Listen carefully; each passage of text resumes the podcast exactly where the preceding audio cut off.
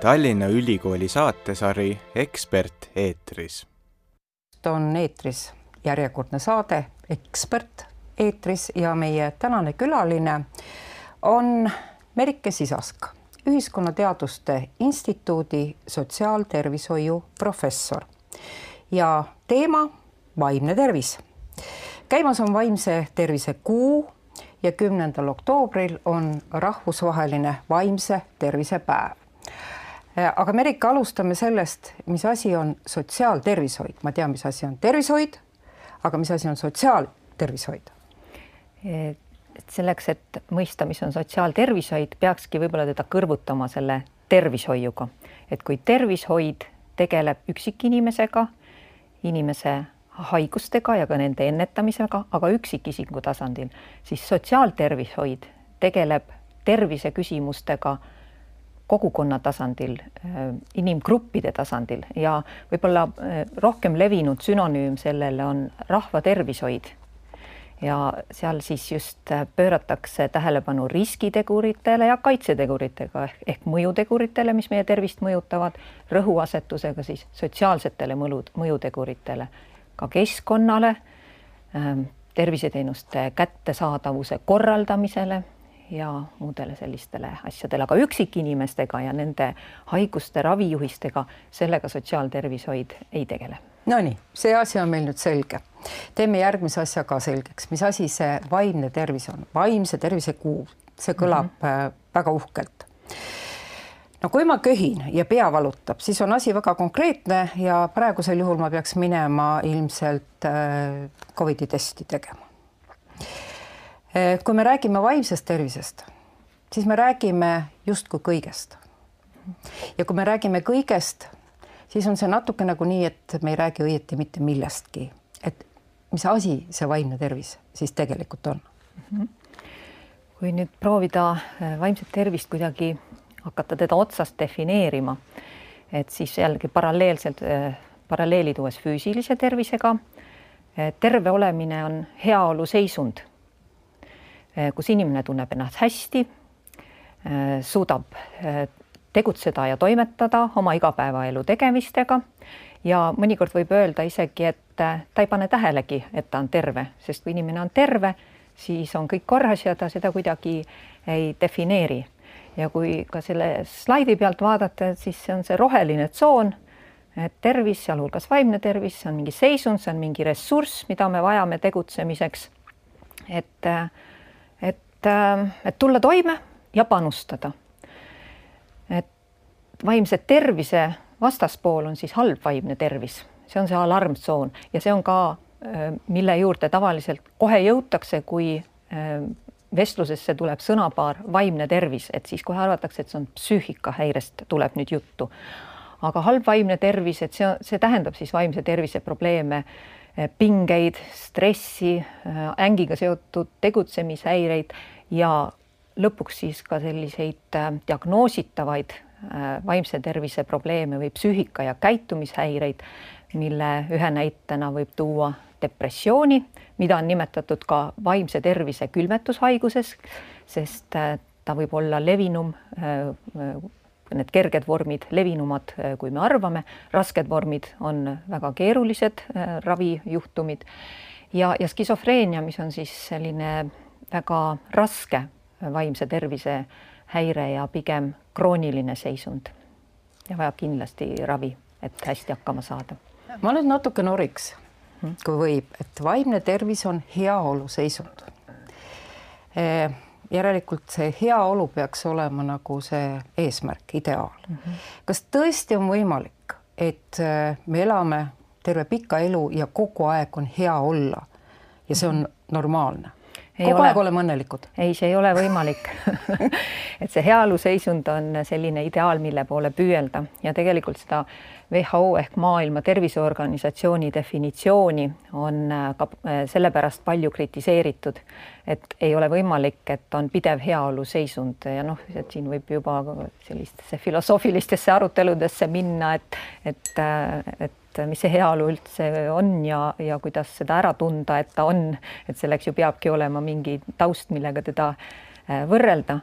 aga need kaasaegsemad käsitlused vaimsest tervisest ei rõhu enam seisundile, vaid protsessile.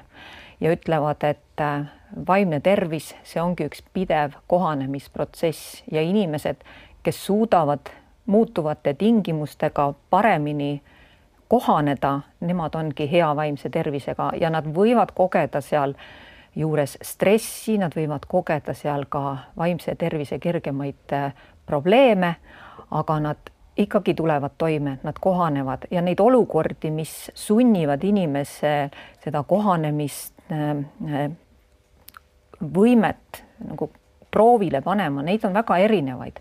et sel kevadel oli meil väga suur üleüldine globaalne olukord, mis pani nagu kõvasti proovile inimeste ja, ja rahvaste, võib öelda, kohanemisvõime, aga, aga need võivad olla ka täiesti äh, isiklikud sündmused, traumaatilised äh, elusündmused, äh, lahkuminek, kellegi lähedase kaotus ja, ja no kohanemist nagu öeldakse, et väike stress võib tekkida ka päris pisiasjadest, et noh, ma ei tea, lemmik kingal tuleb konts alt ära, et ma elan ikkagi selle äh, tsükli läbi, et ma alguses eitan, ei, see ei ole võimalik, siis ma olen kurb ja siis ma lepin ja aktsepteerin ja lõpuks nagu elan selle kogemusega edasi, et seesama tsükkel on nii suurte kui väikeste asjade puhul nagu, nagu sarnane pisut ma vaatan, et siin on meil järgmine slaid ette pandud, kas sa tahaksid seda kommenteerida? jah, et vaimne tervis lisaks sellele, et, et on suur kohanemisprotsess, protsess on väga mitmemõõtmeline nähtus ja üsnagi kompleksne nähtus. ja no meie tänase loengu või selle saate pealkiri oli ka, et kas vaimne tervis siis on füüsilisest tähtsam et ega sellele nüüd äh, niisugust vastust anda ei, ei saa, et jah, on küll või ei, ei ole, sellepärast et äh, vaimne tervis ja füüsiline tervis, neid lahutada on äh, peaaegu võimatu, sest inimene on tervik. aga nii et holistiline ja, lähenemine. holistiline lähenemine ja selline biopsühhosotsiaalne mudel inimese käsitlemisel mm, -hmm. et see on küllaltki levinud ja ka meil õppetöös kasutatav et inimesel on see bioloogiline pool, siis need tema mõtted ja tunded mm, -hmm. psühholoogiline pool ja sinna juurde siis suhted teiste, teiste inimestega, suhestumine. ja aga selle füüsilise tervise puhul me ikka püüdleme selle poole, et kogu aeg oleks hea, eks ju, vaimse puhul me saame aru, et noh, et see ei ole ilmselt võimalik, eks. me ikka ka püüdleme selle et poole. kogu aeg oleks hea. et me kogu ikkagi õnnelik. püüdleme nagu ka kehalise tervise puhul me ikkagi püüdleme selle poole, et inimene oleks hea ja kui nojah, aga kui ei ole hea, ütleme, et eh, siis me oleme haiged, see on ebanormaalne, aga aga vaimse tervise puhul no, no ei ole võimalik, et heaolu on kogu aeg. ilmselt on ka see mitte heaolu normaalne elu jooksul. ja, ja aga ma jällegi füüsilise tervisega paralleeli tuues, et on tänapäeval nagu need nakkushaigused ja on ikkagi suhteliselt marginaalne osa kogu haiguste komplektist, seda just nagu arenenud riikides mm. -hmm. ja haigused, mille all inimesed ähm, arenenud riikides ehk siis noh, nendes modernsetes riikides äh, kannatavad, on äh, mittenakkushaigused.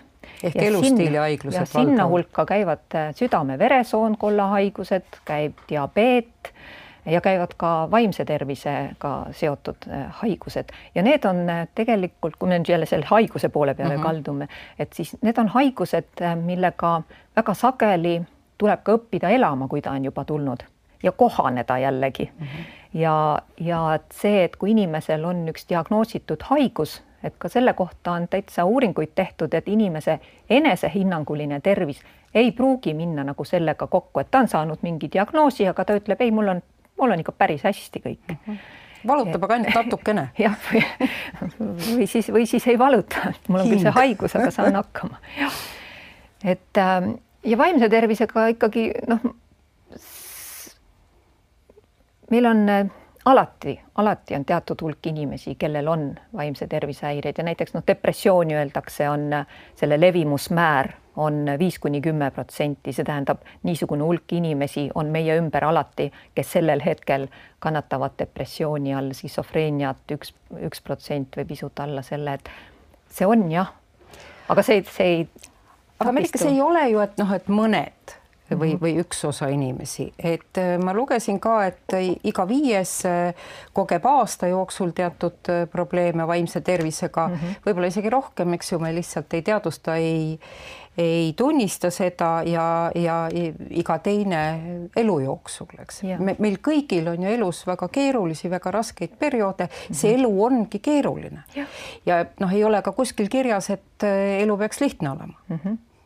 Tõsi ja see ongi see kohanemine, jälle ma toon sellesama märksõna sisse, et mitte keegi ei ole tegelikult vaimse tervise probleemide eest kaitstud lõplikult. aga vaimse tervisega tegelemine ei tähenda ainult probleemidega tegelemiseks, tegelemist, et siin tuleb seda skaalat vaadata laiemalt, et kõigepealt on edendamine, kui tegeletakse selle heaoluseisundiga ja selle hoidmisega. Ennetamine on siis, kui tegeletakse Eh, riskiteguritega ja riskirühmadega, kui on nagu teada juba näiteks, et noh, toome ühe näite siis, et noorte puhul, eh, kellel esineb eh, erinevaid riskikäitumisi, et nende risk kogeda vaimse tervise probleemi on oluliselt suurem, järelikult tuleb ennetada neid riskikäitumisi kui, kui vaimse tervise ohutegurit aga kui inimesel ikkagi on juba vaimse tervise probleemid, et siis ta vajab ravi ja ta vajab rehabilitatsiooni ja kõik need neli staadiumit on olulised. praegu me, mis meie tervishoiusüsteemile ette heidetakse, on see, et me oleme väga ravikesksed ja et suur osa eelarvest läheb ka ravile ja edendamise ja ennetamise tööga me tegeleme äh, liiga vähe ja me ei, me ei panusta sellesse äh, piisavalt ressursse. no meil ei ole lihtsalt äh, raha mm. -hmm ilmselt, eks ja. ju, ja ravi on see, kus sa näed väga kiiresti tulemust. jah, et see on meie äh, tervisesüsteemide häda, et me tegeleme tagajärgede kustutamisega mm. -hmm. no mitte ainult tervishoiusüsteemi, see on väga paljudel juhtudel. vaatame ka seda, seda püramiidi mm, -hmm. et äh, see on nüüd siis see, kuidas, kuidas see on korraldatud või peaks ja, olema korraldatud? Äh, siin on jällegi loomulikult ei ole asi äh, kunagi nii sirgjooneliselt äh, püramiidikujuline, aga siin on see Maailma Terviseorganisatsiooni poolt pakutud mudel, et kuidas peaks olema korraldatud vaimse tervise teenused ja see on nüüd Eestile kohandatud Sotsiaalministeeriumi poolt ja see võeti ka läbivaks jooneks struktuuris Äh, äh, vaimse tervise rohelise raamatu koostamisel, mis on siis, peaks andma sellised prioriteedid, millega me Eestis lähiaastatel tegelema hakkame. ja kui nüüd seda joonist vaadata, et siis ta kajastabki seda, et äh, kus on kõige suurem vajadus, vasakul pool on see nool, all on suur vajadus, üleval väike vajadus inimestel ja paremal pool on kulud, jällegi all on väiksemad kulud, üleval on suuremad kulud. püramiidi kõige alumise kihi äh, moodustab eneseabi, mida võib nimetada ka näiteks vaimse tervise hügieeniks ehk me kanname iseenda eest hoolt ja me teeme seda igapäevaselt ja me teeme seda kõik ja, ja see on igale inimesele jõukohane, need on niisugused väiksed võtted ja on kogukonna tugitegevused, et siin all siis ei mõelda veel nendes kahes kihis mitte mingeid formaalseid teenuseid, mida riik peaks otseselt organiseerima ja mis otseselt äh, peaksid midagi väga palju maksma. ehk nad on siis kokku seal äh, kollasel taustal võetud sõnapaariga toetavad tegevused. kas sinna lähevad ka need lookas riiulid eneseabiraamatutega? ja need võib samuti selle on... eneseabi alla paigutada jah, et sest see vaimse tervise alane kirjaoskus on, on üks selline esimene samm, et ma võiksin hakata üldse vaimset tervist mõistma ja sellega tegelema. aga noh, eneseabiraamatutesse tasub ikka alati ka kriitiliselt suhtuda, et, et ikkagi vaadata, kes on selle autor ja kes on ta välja andnud ja kas, kas kas seda on ka kunagi katsetatud ja, ja, ja uuritud mm. -hmm no selle juurde võiks veel hiljem tagasi tulla, aga kui seda püramiidi nüüd vaadata, siis äh, kus siin kõige suuremad probleemid on? mis tasandil? Äh, no praegu rõhutatakse teenuste äh, kättesaadavusele ja probleemidele sellel tasandil ehk siis see püramiidi ülemine tipp selles, mis algab kogukonnateenustest, jätkub esmatasandi tervishoiuteenustega ja läheb edasi psühhiaatrilise abini. aga, aga siin ongi see see konks nagu, et need äh, teenused, kui inimesi on liiga palju, äh, kes sinna teenustele tahab, kes oleks võib-olla võinud nendes alumistes kihtides juba abi saada, siis neid teenuseid lihtsalt ei jätku nendele, kes on nagu, kelle, kes neid nagu tõesti väga-väga vajaksid. ja seda jällegi võib nagu paralleeli tuua või võrrelda näiteks tuleohutusega et kui maja põleb, siis me vajame tuletõrjujat. aga me, me ei ole niimoodi, et me ootame, kuni maja põlema läheb, et siis hakkame tegelema äh, tulekahju ärahoidmisega, vaid seal ees on noh, ütleme siis võib-olla psühhiaater on see tulekahju kustutaja, aga siis on tule, see tulekahi on ikka juba väga suur, kui inimene vajab psühhiaatri abi võib-olla see eneseabi, et sinna alla võiks panna näiteks äh, suitsuanduri, mis annab piiks-piiks varakult märku kui mingigi oht on ja see oht võib olla reaalne, aga see võib olla ka väike, väike rike, aga ta annab märku ja me pöörame sellele tähelepanu. ja vot vaimses tervises on samamoodi, on need varajased märgid ja on varajane märkamine. ja kui, kui sellel tasandil äh, on äh, asjad paremini korras, siis neid ülemisi tasandeid on, on äh, võib-olla vähem vaja. no see tasand ja. on selgelt ka kõige osa, odavam tasand ühiskonna mõttes ilmselt. mis on ka siin. aga kuidas, kuidas neid muutusi siin esile kutsuda? süstemaatilise tegu, tegevusega selles valdkonnas aga kes siis peab süstemaatiliselt äh, tegelema, meie ise, kui me räägime eneseabist? no üksikisiku, üksikisiku tasandil äh, meie ise mm, -hmm. aga ma mõtlen vaimse tervise valdkonnaga laiemalt, et kas seda on meil nüüd hakatud tõesti tunduvalt rohkem teadvustama selle olulisust ja vajalikkust äh, sellega süsteemselt tegeleda, sest igasugused valdkonnad, millega süsteemselt äh, tegelema hakatakse, et seal on tavaliselt äh, ka kokku lepitud niisugused poliitilised prioriteedid või strateegiad, et äh, mis on see, millega on oluline tegeleda. Ja vot vaimse tervise valdkonnas ei ole seni ükski strateegiline dokument jõudnud veel sinnamaale nagu siis sel aastal vaimse tervise roheline raamat, mis on äh, Sotsiaalministeeriumist välja saadetud teistele ministeeriumidele kooskõlastamiseks, et, et oleks võimalik äh, selles, selles vajalikkuses kokku leppida ja sinna ka Äh, rahastus siis taha saada, sest neid vaimse tervise valdkonnas tegutsejaid on Eestis päris palju ja äh, jällegi mitte ainult psühhiaatrid ega mm, -hmm. ega arstid ega psühho, kliinilised psühholoogid, kes on väga olulised ja kelle, kelle teenused on väga vajalikud aga, aga muid organisatsioone ka, kes tegelevad just selle edendamise ja ennetamise poolega ja, ja need organisatsioonid ka veel mõned aastad tagasi tegutsesid igaüks suhteliselt omapäi, aga kaks tuhat kaksteist, kaks tuhat kolmteist, siis nad organiseerusid katusorganisatsiooniks, mille nimi on Vaimse Tervise ja Heaolu Koalitsioon ehk VATEK.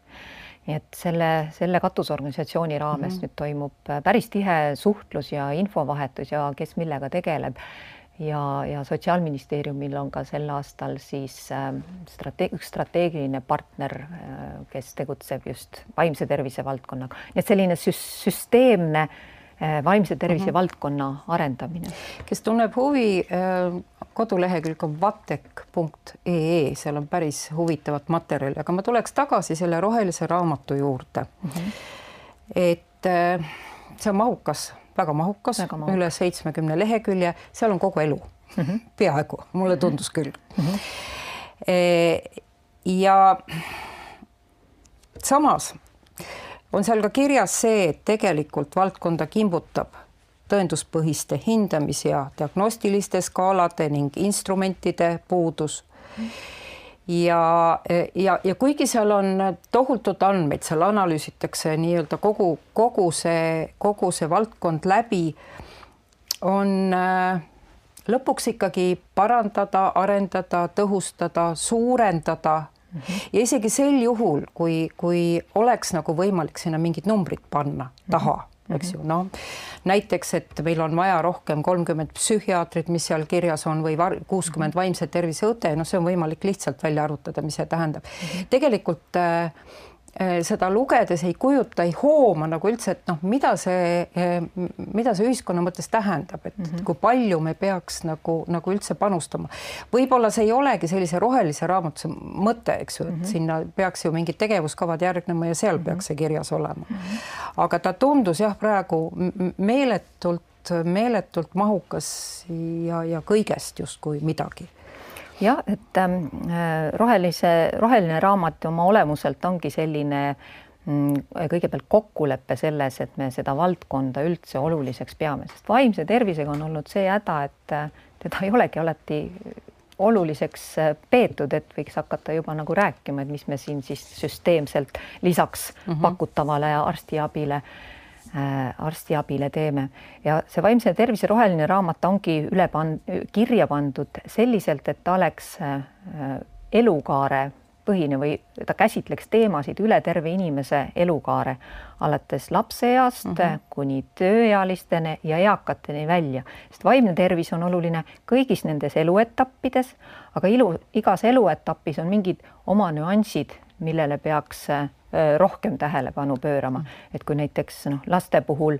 väiksemate laste puhul on äh, kõige alus see, et tal oleks hea, pühendunud, järjekindel, piisav äh, vanemlik hoolitsus, siis tööealiste puhul tuleb esiplaanile näiteks tööstress või töö ja pereelu ühitamise küsimus. Ja eakate puhul on üks selline läbiv teema, on üksildus ja kõrvalejäetuse tunne, et need on kõik, mis väga oluliselt vaimset tervist mõjutavad. ja, ja lapseeas just öeldakse, et pannakse alus vaimsele tervisele kogu eluks. et äh, globaalselt on isegi üks teadusartikkel toob välja, et äh, pooled täiskasvanu eas välja tulnud äh, psüühikahäired on alguse saanud lapse või teismeeas ehk enne neljateistkümne aastaseks saamist nii et see on selline hästi-hästi kriitiline iga, mis ei tähenda jällegi, et nendes vanemad, vanemas eas ei ole, ei peaks sellega tegelema, aga noh, nagu ma ütlesin, igas eas on omad mm -hmm. spetsiifilised probleemid. ja samas ja. on seal raamatus kirjas, et, et abi saab kuskil kolmandik vaid lastest, kes seda abi võib-olla vajaksid. jah, et see on, see on meil see probleem ja, ja mis võib-olla jällegi nagu kõiki puudutab, kõiki neid vanusrühmasid, et äh, vaimse tervise puhul on teadlikkuse tõstmine ja on häbimärgistatuse vähendamine, et see on ka sellel rohelise raamatu üks eesmärk, et me teadvustaksime, äh, mis need, mis need asjad üldse on, millega me peaksime tegelema, isegi kui meil praegu ei ole ressurssi seda teha. aga me teame, et, et et võib-olla homme on ja siis me mhm. teame, kuhu seda kohe mhm. suunata mm, -hmm. ei hakka siis mõtlema, et oot-oot, kus see nüüd mm -hmm. siis see vajadus oligi. ja see häbimärgistatus või stigma destigmatiseerimise äh, küsimus on ka väga tähtis, et äh, vaimse tervise asjadest äh, sageli ei räägita, sellepärast et noh, see on asi, millest ei räägita nagu piinlik on. või ja, kui ma. samas oma füüsilistest tunnist... hädadest armastame me küll rääkida. ja, aga no, need ei ole, aga... füüsilised hädad ei ole nagu minu süü, noh, see on mind mm -hmm. tabanud, aga vaimse tervise häiretele sageli omistatakse see, et äh, tunnus sinna juurde, et no küllap sa ikka ise oled äh, midagi mm -hmm. valesti teinud või oledki niisugune hädapätakas ja ei, ei tule toime.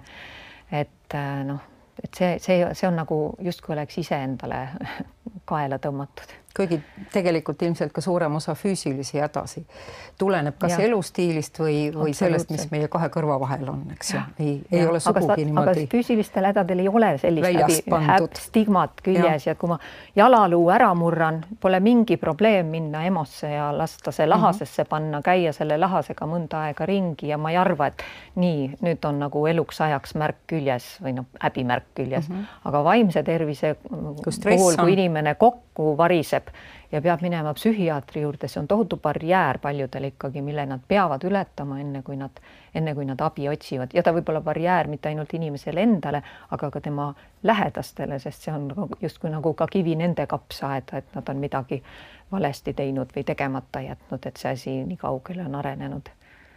ja ei, vaimse tervise üle me ei kurda tavaliselt. jah, kuigi ka see on natukene nüüd muutuma hakanud jällegi, et kui me nüüd depressioonist räägime, siis mina hakkasin esimest korda nende vaimse tervise teadlikkuse teemadega tegelema.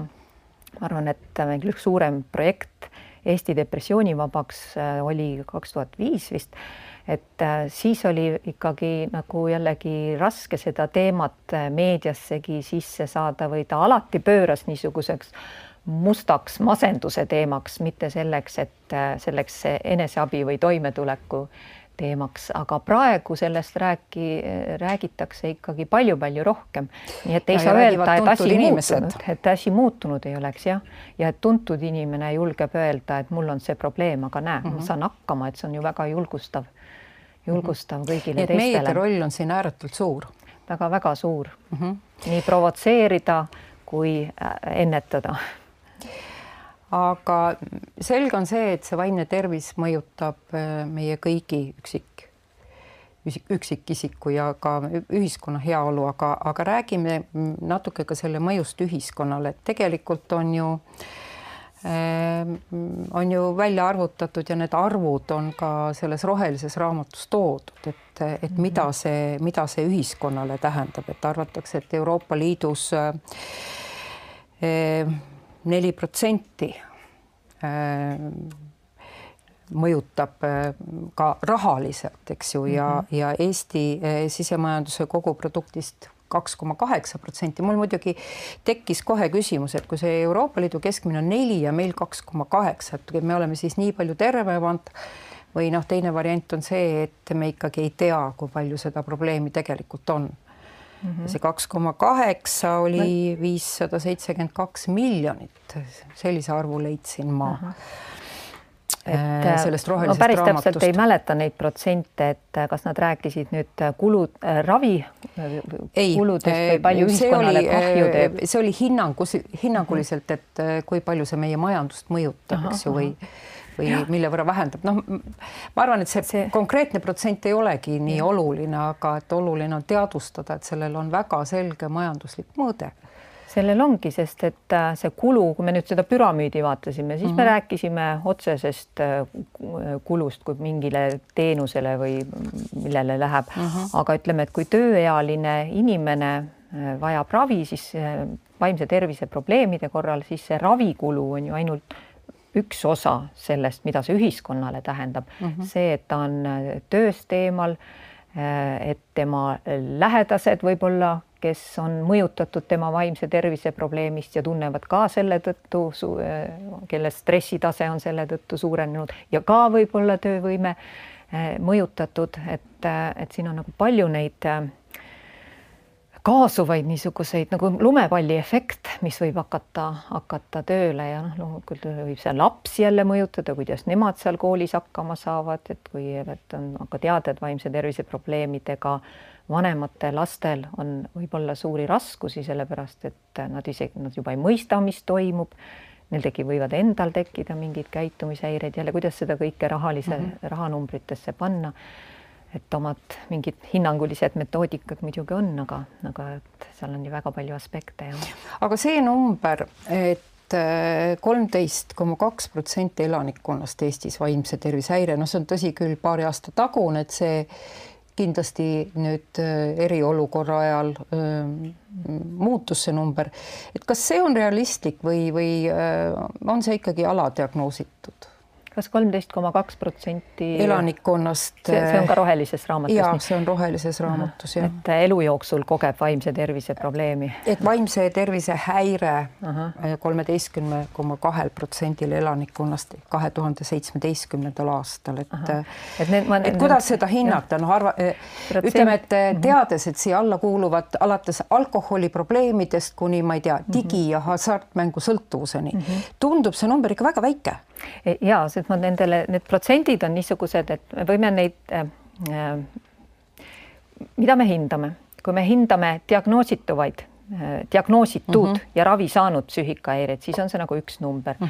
kui me hindame äh, küsitlusuuringu tulemusena nii-öelda enesehinnangulist või mingeid skaaladeid kasutades vaimse tervise probleeme, et siis see levimusmäär ilmselgelt on suurem mm. -hmm. ja, ja samas, kui me hindame ka nende pöördumiste arvu ühe või teise psüühikahäire korral ja me näeme ja praegu me näeme, et see on aastast aastasse suurenenud, et siis on küsimus, et kas see on hea või halb.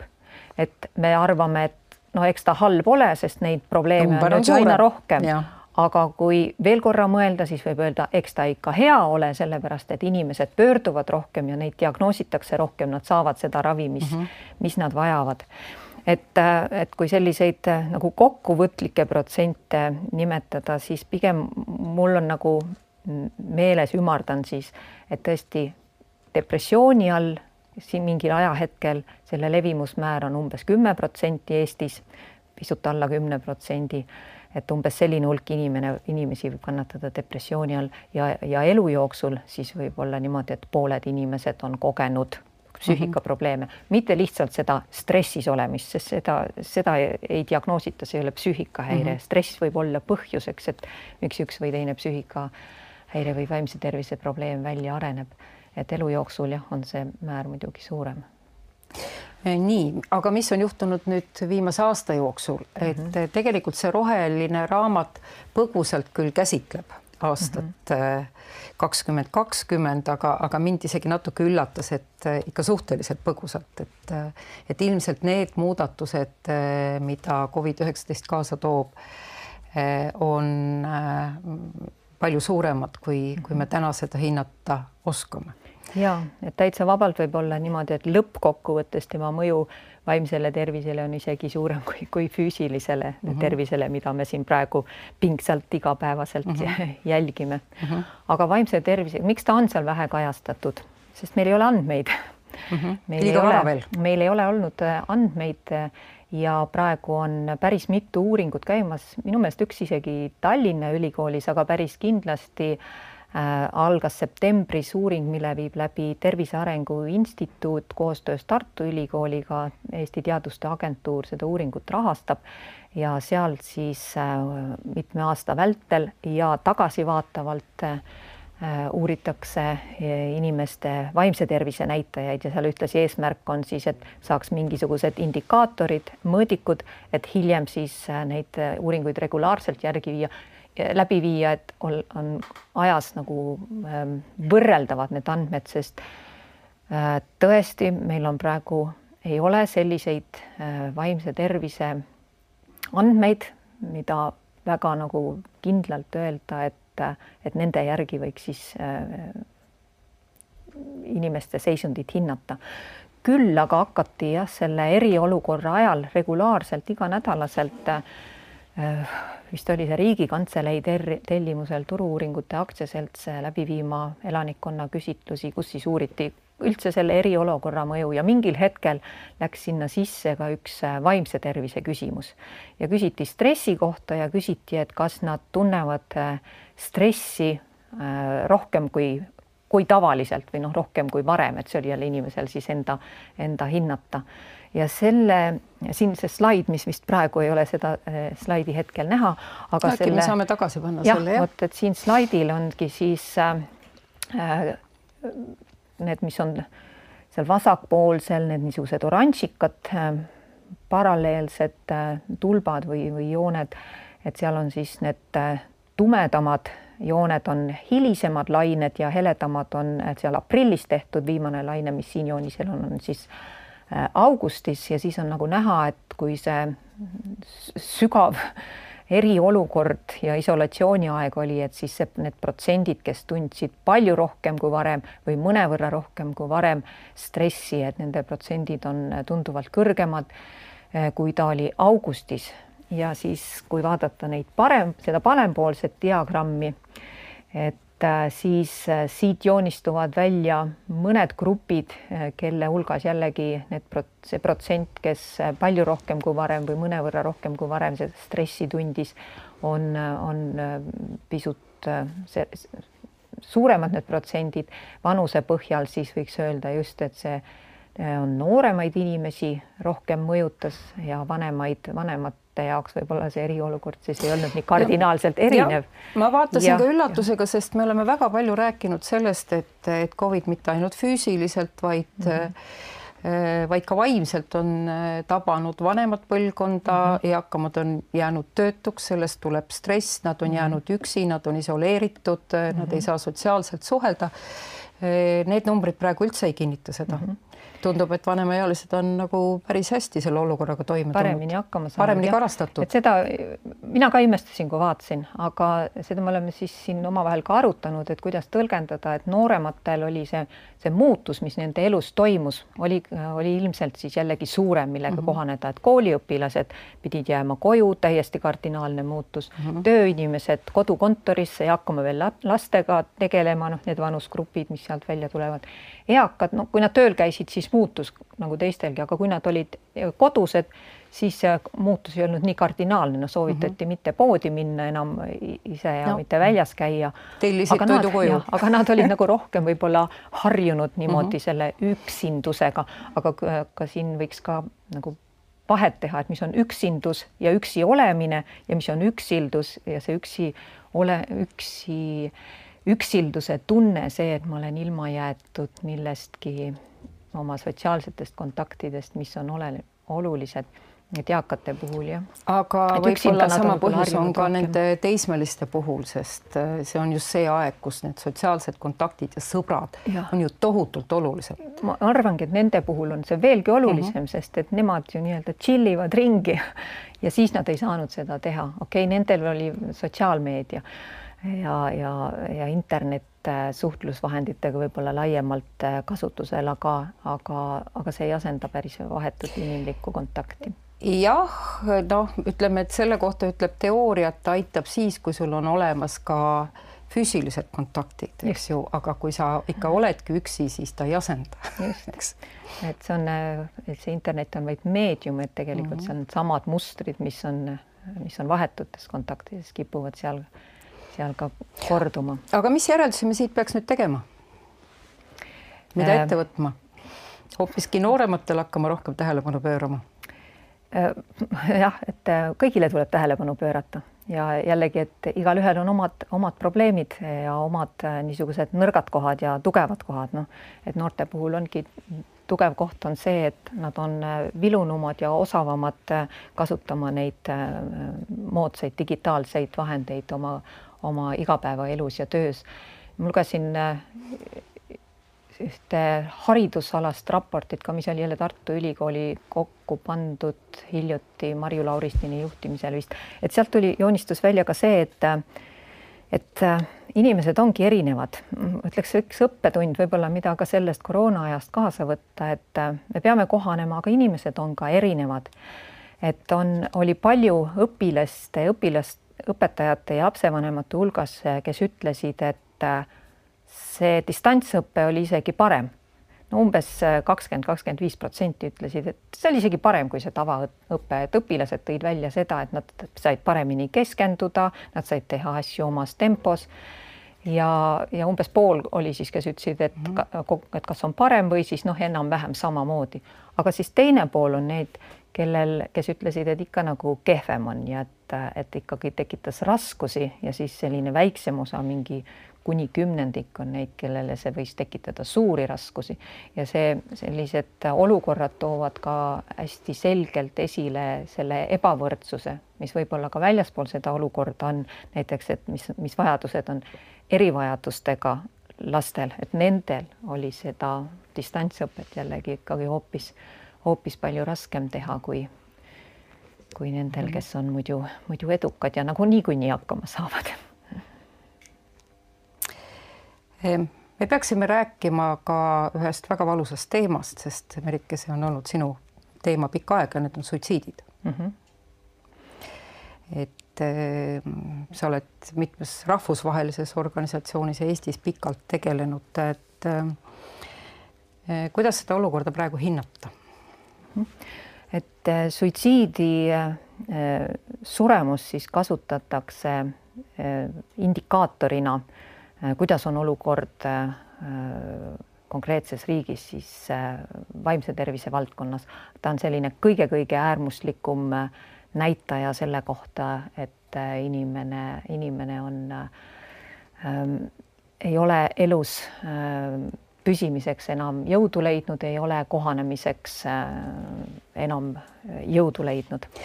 ja Eesti, kui nüüd küsida, et kuidas meil praegu need näitajad on? ja et, et kui mm -hmm. ütleme, et need näitajad meil on ju võrdluses teistega olnud ikkagi äh, suhteliselt halvad või traagilised, eks ju, üsna kõrge. samas kõik need muud näitajad võrreldes ma vaatasin, ei ole sugugi nii halvad, et, et kas siis saab öelda, et see on nüüd see kõige-kõige näitaja, mis näitab terve Eesti vaimset tervist?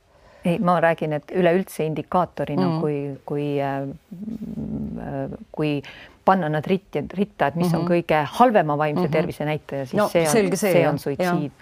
aga Eestis see olukord on äh, läinud paremaks, et me olime kunagi seda veel mäletatakse väga mm, -hmm. et me olime äh, top ten riikide hulgas. no vist isegi olime seal kõrgemal me, veel, me ikka võistlesime me, seal auhinnalisele kohale. et me juba mõnda aega seal enam ei ole, mis mm -hmm. on hea uudis, et suitsiiditrend on Eestis olnud langev ja hetkel viimastel aastatel on ta veel olnud jätkuvalt langev ja me oleme Euroopas seal noh, kümnendal, ongi seal kusagil mm, -hmm. võtame seda kümnendat kohta.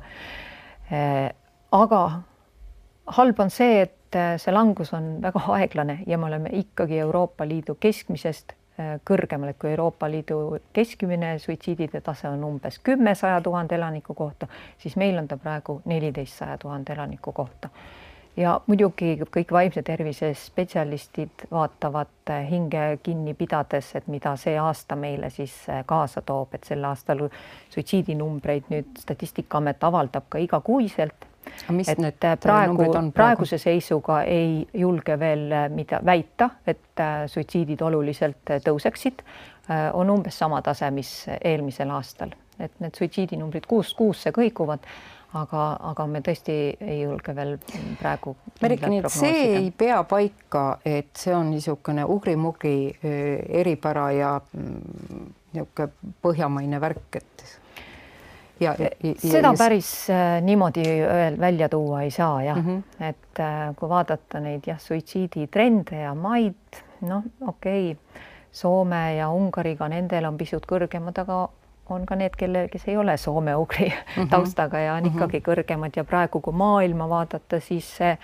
kunagi oli Ida-Euroopa riigid need, kus olid suitsiidide mm -hmm. tase väga kõrge, osad on veel jäänud, aga suitsiidid on läinud väga kõrgeks hoopiski Kagu-Aasias, näiteks Lõuna-Korea on riik, kus on suitsiidid väga hüppeliselt äh, tõusnud ja et seda on, on ikkagi ka seostatud nii professor Airi Värnik kui Eestis, kes on äh, suitsiidiuuringute alusele pannud kui nüüd ka seal Lõuna-Koreas seostatakse ikkagi ka väga palju selle tohutu vaja, väljakutsega kohanemisele, et kui meil taasiseseisvumine tuli, siis me arvasime, et nüüd läheb elu heaks, aga mhm. tegelikult elu lihtsalt muutis, muutus nii palju, et väiksema kohanemisvõimega inimesed ei tulnud sellega toime ja see peegeldus väga selgelt ka meie tolleaegses suitsiidide tasemes.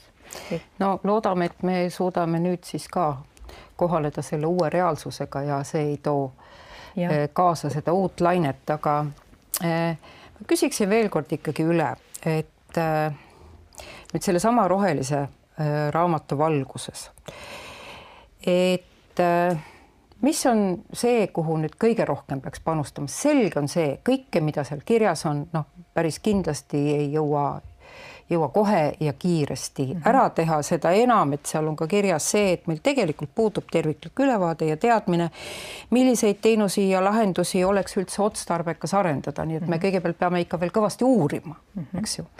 aga nüüd sinu enda vaatest, et äh, mis peaksid olema need prioriteedid nüüd ja täna?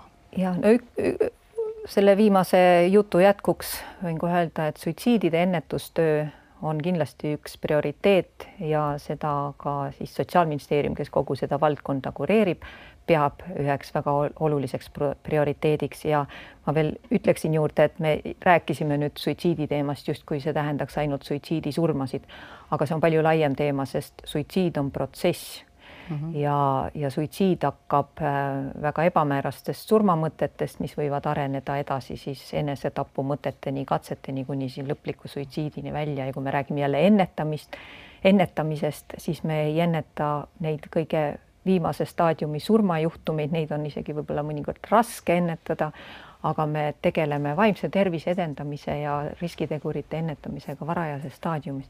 et see on kindlasti üks prioriteet, et, et suitsiidipreventsiooni panustada. teine, mida peaks esile tooma, on ikkagi laste ja noorte äh, vaimsesse tervisesse investeerimine ja just need äh, tõenduspõhised programmid, Eestis on need olemas aga nende rakendamise rahastamine on jälle natukene heitlik. näiteks need äh, vanemlust äh, ja vanemat, heaks vanemaks olemise oskusi toetav programm äh, Imelised aastad on VEPA käitumisoskuste mäng, kus kooli kõige esimeses astmes tegeletakse muude tundide ja tegemiste käigus sellega, et lastel areneksid välja Äh, parimal viisil sotsiaalsed oskused, sest et enamasti jäävad paljud äh, niisugused akadeemilised äh, tegevused kinni sotsiaalsete oskuste taha. et võib-olla need on ühed, ühed näited, mida välja tuua. ma omalt poolt rõhutaks veel ühte asja, mida minu meelest ei ole ka selles raamatus piisavalt käsitletud, et äh, need on need muutused, äh, mida see sajand kaasa on toonud, kus me oleme tegelikult kolinud virtuaalmaailma mm. -hmm.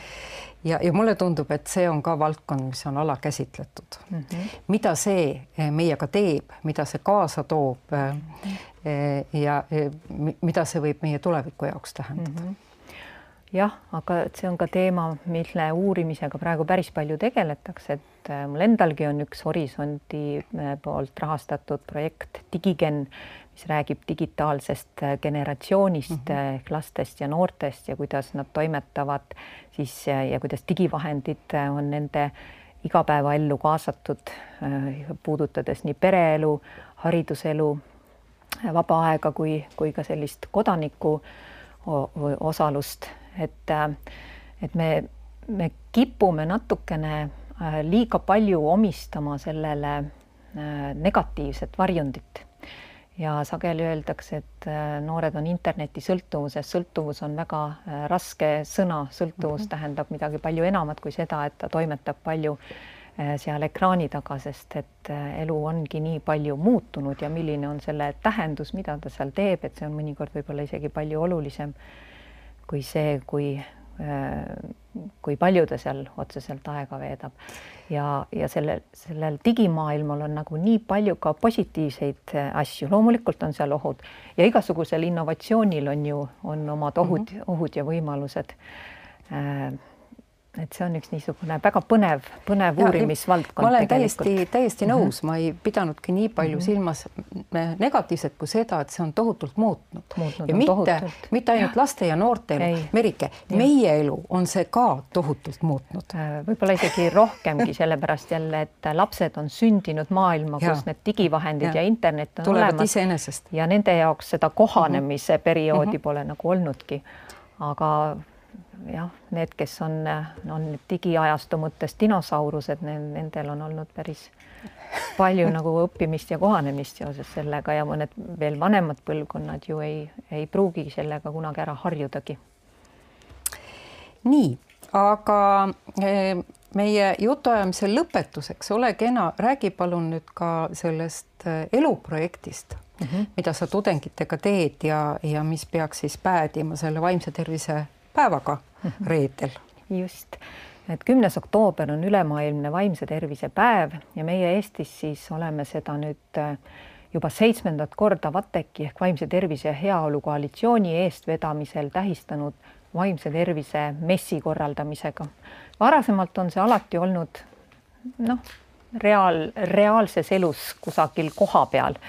Äh, peamiselt oleme Rahvusraamatukogus pesitsenud aga noh, sel aastal nagu kõik muu elugi on ka see mess virtuaalne ja eluprojekt on sinna ka kaasatud ja juba, juba kolmandat korda, mis on olnud väga-väga tore koostöö. Mis selle messi mõte on, et peamine eesmärk ongi tõsta teadlikkust ja vähendada, vähendada häbimärgistatust. Ja seal on siis äh, niisugused suure saali üritused, ütleme virtuaalselt siis kah niisugused suure saali üles, üritused stuudios, kus räägitakse äh, inimeses endast, tema tegemistest pere kontekstis ja tema tegemistest äh, töökeskkonnas ja kõike seda siis ka natukene selles äh, koroona olukorra äh, valguses, kus me, kus meile on öeldud, et peaksime hoidma isolatsiooni ja need sõnad, mida kasut-, on kasutatud, on, et me peaksime olema sotsiaalses isolatsioonis. me tahaks siis seal rõhutada seda, et see ei ole sotsiaalne isolatsioon, mida me peame hoidma, vaid see on füüsiline isolatsioon ja sotsiaalset isolatsiooni me ei tohi sellega, äh, sellega tekit-, tekitada. Ja siis jah, päeva esimene pool, kaks tundi on niisugused üldisemad ettekanded, Urmas Vaino on meil seal päeva moderaator, kes seda kõike juhib. Ja päeva teises pooles on praktilised töötoad erinevate teemadega ja erinevatele sihtrühmadele on ka mõeldud selliseid, mis on rohkem lastel, noortele lastele, mis on lapsevanematele, mis on paaridele, e-, eakatele, on üksilduse teema, on, on vaimse tervise esmaabi töötuba. ja, ja siis on lisaks sellele need äh, organisatsioonid, kes VATEK-isse kuuluvad, on seal valmis äh, vastama äh, huviliste küsimustele.